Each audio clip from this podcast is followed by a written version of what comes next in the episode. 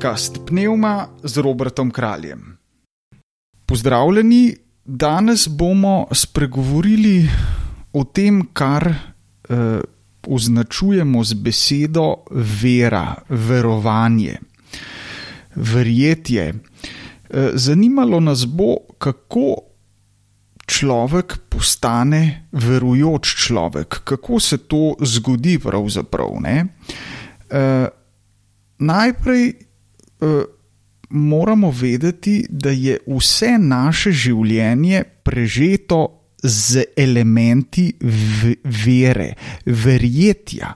Mi pravzaprav vedno m, zaupamo, verjamemo. Lejte, že to, da ko bom jaz stopil iz te sobe ven po tem snemanju, moram verjeti, da koraka, Eh, se pravi, da korak, ki ga bom naredil, ne bo v prazno. Enostavno moram verjeti in zaupati. Se pravi, da je vsak naš gib, vsaka naša, mm, naše dejanje, eh, pravzaprav nek, nek element vključuje v element verjetja. In tako je tudi z našimi odnosi. Mi ne moremo nikogar. Eh, prisiliti, da je v odnosu z nami. Se pravi, mi vedno vsak odnos predpostavlja zaupanje. E, to pa pomeni tudi svobodo drugega. Se pravi, odnos med moškim in žensko, med možem in ženo, recimo, ne, ali pa tudi prijateljstvo, kakršen, koli odnos, pravzaprav temelji na zaupanju, na verjetju. Že, že preprosto dejstvo, da se z, dogovorim s prijateljem nekje za, za to, da se bova dobila, to pomeni, da se bova srečala, ne? to pomeni, da jaz preprosto zaupam. Se zanesem na njega, da bo ob tej in tej uri na, na, na dogovorjenem kraju. Ne? Se pravi, da so sploh, da, da, da ne govorim o, o zvestobi, v, v, med zakonci, v odnosih. Se pravi, m, mm, vsak zaupa drugemu, da mu bo zvest, da mu bo stal ob strani. Se pravi, naši odnosi temelijo na verjetju, na zaupanju, če hočete, eh, in na tem, da se na nekoga zanesemo. Zdaj pa, ko govorimo konkretno, bolj konkretno o religiozni veri, o tem, da eh, se pravi, verujemo preprosto v nekaj presežnega, to poznamo v različnih verstvih, se obračamo, zaupamo v nekaj presežnega. Ne? Človek že odnegdaj eh, verjame, da je, ne, če tako rečem, nekaj več. Uh, in zdaj nas bo, mm, r, poskušali bomo nekako razmišljati, osvetliti, kako, kaj se dogaja s človekom, ki začne verovati. Recimo, tukaj bomo vzeli eh, primer, recimo, kako se nekdo, ki ni verujoč, se pravi, nek človek, ne, eh, kako se mm, kako postane kristjan, kako se pravzaprav približa krščanski veri. E, seveda, mm, tak, najprej e, prvi pogoj slehrne vere in verovanja je minimalna odprtost. Človek mora biti odprt, ne sme biti zakrknjen. Marsikdo uh, išče, uh, ljudje iščejo, uh, iščemo, vsi pravzaprav smo iskalci nečesa globljega.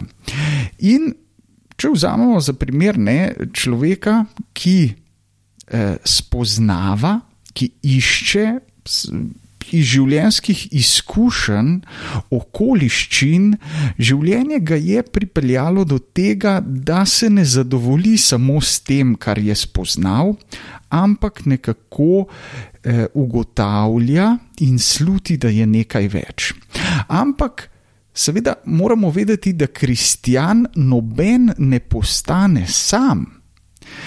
To pomeni, da se vera, moja vera ali vera katerega koli drugega človeka, kristjana, užge ob veri že nekoga drugega, ki je veroval pred mano. Se pravi, da eh, kristjan, izoliran kristjan ne obstaja.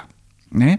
Se pravi, to je tako kot sveča, ki jo moramo prižgati, ob, moramo dobiti nekje ogenj ali kakorkoli užigalico, kakorkoli, da jo prižgemo, naša vera se mora nekje užgati, nekje se mora uneti. Ne? Se pravi, bodi si, da poznamo kakšnega prijatelja, učitelja, kogarkoli.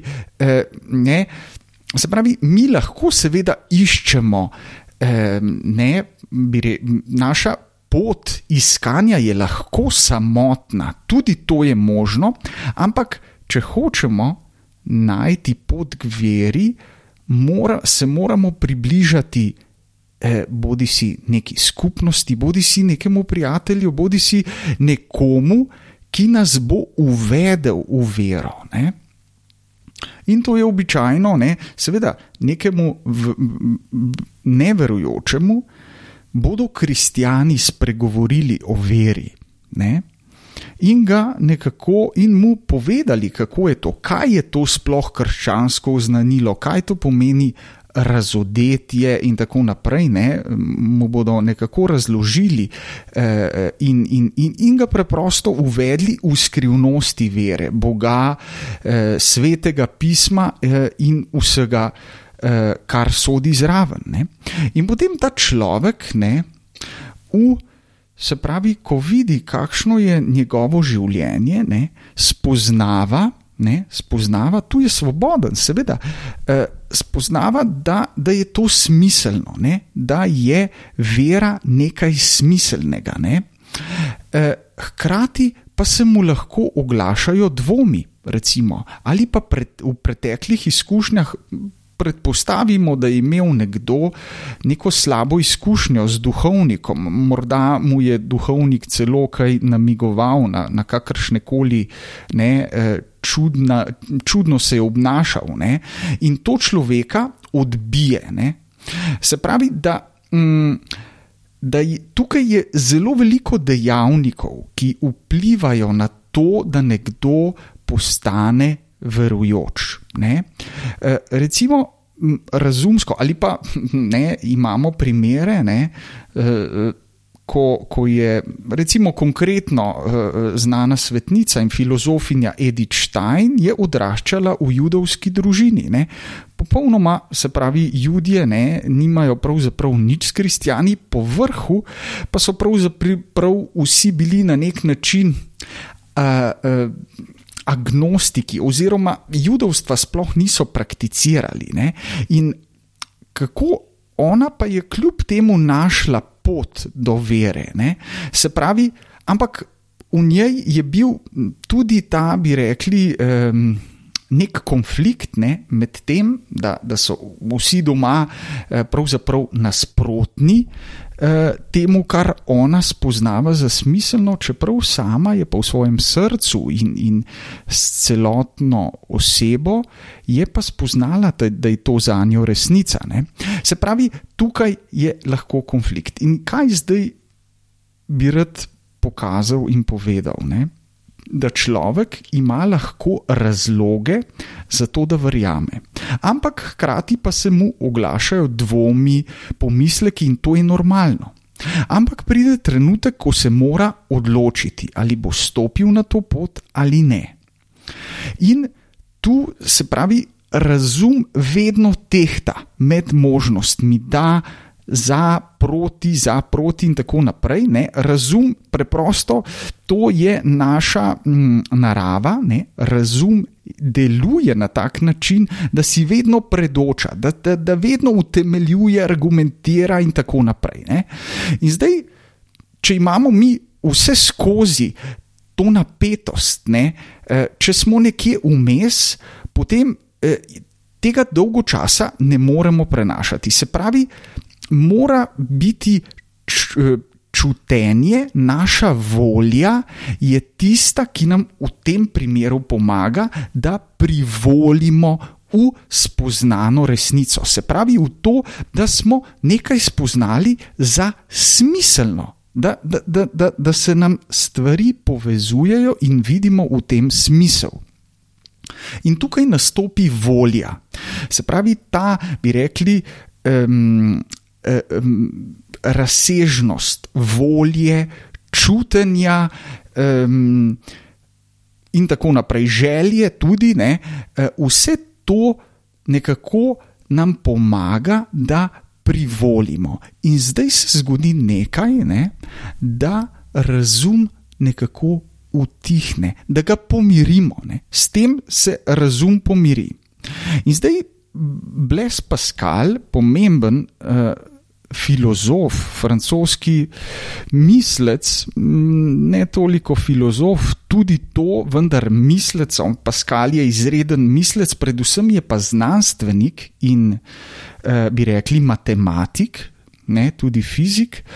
Uh, on v svojih mislih uh, govori o, tudi o tej, tej uh, situaciji, se pravi, kako se to v človeku dogaja. In to razlaga v misli 252, če bo koga zanimalo, si lahko to prebere. Se pravi, da tukaj gre za to, ne, in Pascal imenuje neko ključno besedo, in ta beseda je navada.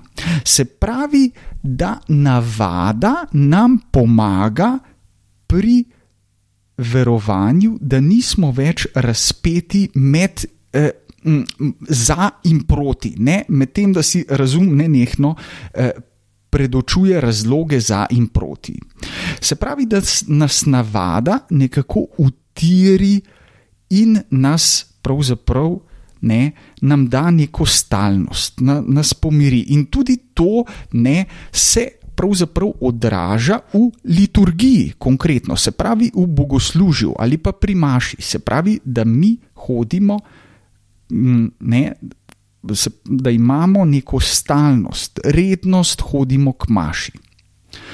Zdaj je pa tukaj nek problem, oziroma nevarnost, da bi to, se pravi, da bi vera postala gola navada. In uh, najprej je treba reči, da, to, da se to zgodi nujno v vsakem verujočem človeku, pri vsakem verujočem človeku. Se pravi, človek prej ko slej začne verovati iz navade. E, tradicija, e, lepo bomo šli k maši, in tako naprej. In eh, ničesar pravzaprav več ne, mm, ne razume. Ne? Je, je, je, bi rekel, v enem stanju suhote nič se ga ne dotakne, ampak gre ne, za čisto, bi rekli, navado.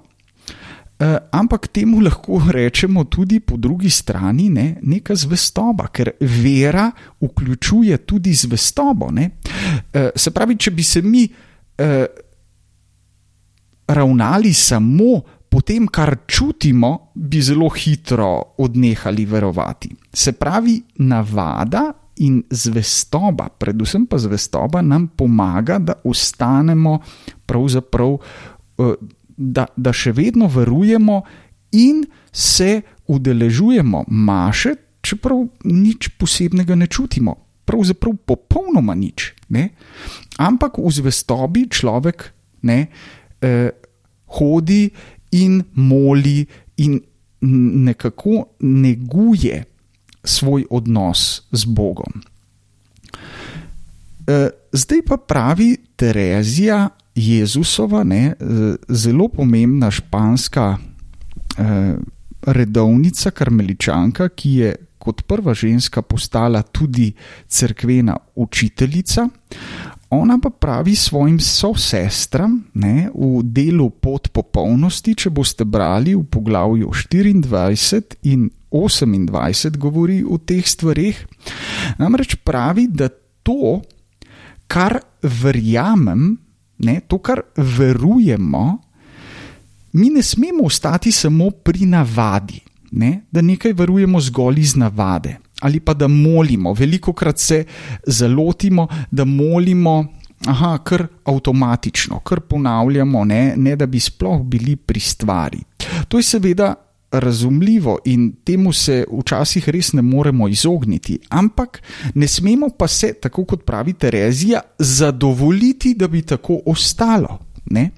Ona pravi, da je potrebno, da si mora človek prizadevati, da to, kar veruje, tudi razume, in hkrati, da da ne ostane samo pri goli veri, ampak da to razume iz izkušnje. Se pravi, da se ga to na nek način uh, dotakne. Zdaj je pa tukaj spet mm, novo vprašanje, kako se to zgodi. Kako se to zgodi? Ja, brez zvestobe se to ne bo zgodilo. Se pravi, brez, brez tega, da človek moli, to je tako kot pri navdihu umetniškem navdihu.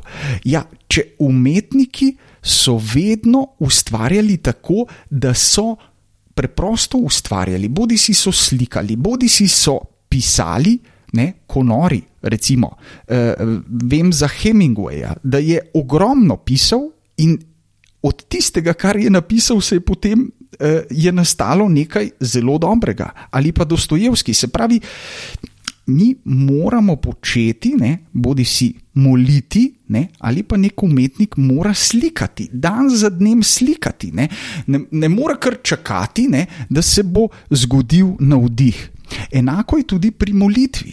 Se pravi, da človek mora v veri iskati Boga, se obračati na njega, e, potem je pa od Boga odvisno, ali se mu bo razkril tudi konkretno, se pravi, da bo, da bo človek tudi začutil nekaj. Ampak moramo vedeti, da za odrešenje občutki božje prisotnosti niso merodajni. Se pravi, nekateri ljudje ali pa svetniki, ne, vemo, da je bila mati Terezija iz Kalkute desetletja in desetletja v popolni temi v popolni, se pravi, v popolni veri je ustrajala. Ne? Se pravi, da eh, eno je molitev, se pravi, eh, navada. Nas, nam na, na začetku lahko pomaga, da vstopimo in da ohranimo, ohranjamo stik z vero. Se pravi, da smo, eh, bi rekel, hm, da se udeležujemo obredov, maše, bogoslužja in tako naprej, in da molimo. Ne? Eh, ampak to mora postati ne, nek, ker, ker sicer bomo stagnirali, bomo, bomo enostavno, bo, bo vera zamrla. Ne? Zato je potreben ta napor, zvestoba, predvsem zvestoba, da ustrajamo v čisti veri, lahko so ta obdobja zelo dolga. Ne?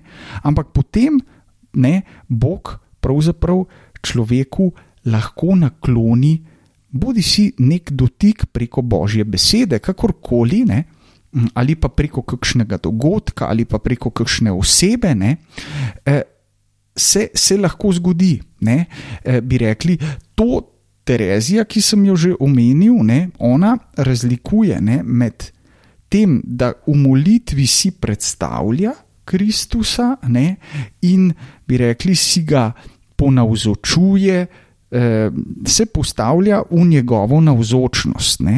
To je, to, je njena, to je njena dejavnost. Ne, eh, in to ona imenuje z besedo reprezentacija, ne, reprezentacijon. Potem pa se lahko zgodi, in tukaj spet je Bog je svoboden in če se on želi razodeti, se bo, ampak to ni v naših eh, rokah, to ni v, moji moči. Eh, ali se me bo, bi, re, bi rekli, na, na čuten način dotaknil. Eh, potem pa se zgodi ta prehod, lahko ne, da se človek zave in Terezija tukaj razlikuje reprezentacija in pa intuicija. Se pravi, ona imenuje to besedo el sentimento, pero, eh, ampak eh, gre, gre bolj, bi, re, bi rekli, za neko občutje božje prisotnosti, navzočnosti, ampak kaj je tukaj bistveno? Prej je bila Terezija dejavna pri tem, pri, pri tem, ko si je predočevala Jezusa. Zdaj pa se zgodi to, da je v pasivnem stanju. Ničesar ni storila ona, pravzaprav, ne, da se jo je Bog dotaknil. Ne. Ampak s, to, eh, s tako gotovostjo, ne, ona dejansko pravi, če boste brali mm, njen življenje pis v desetem poglavju, ne, takoj na začetku pravi, ne, da, je to, eh, da je bil to dotik in da ni, nikakor ni mogla dvomiti, dvomiti, da je bil Bog v njej in ona popolnoma v Bogu. Ne? Tukaj pa ni nič drugega, tukaj pa ne izrazi nič drugega kot preprosto to osebno srečanje s Kristusom. Se pravi, ne, to, kar že Pavel govori v pismu Galačanom, ne živim več jaz, ampak Kristus živi v meni. In to je pravzaprav Eh, tisto največ, kar lahko človek nekako je, dele, česar je lahko deležen človek v duhovnem življenju. Mislim, da bo to dovolj, eh, ta, ta naš razmislek o veri. Se vidimo v naslednji epizodi podcasta Pnevma.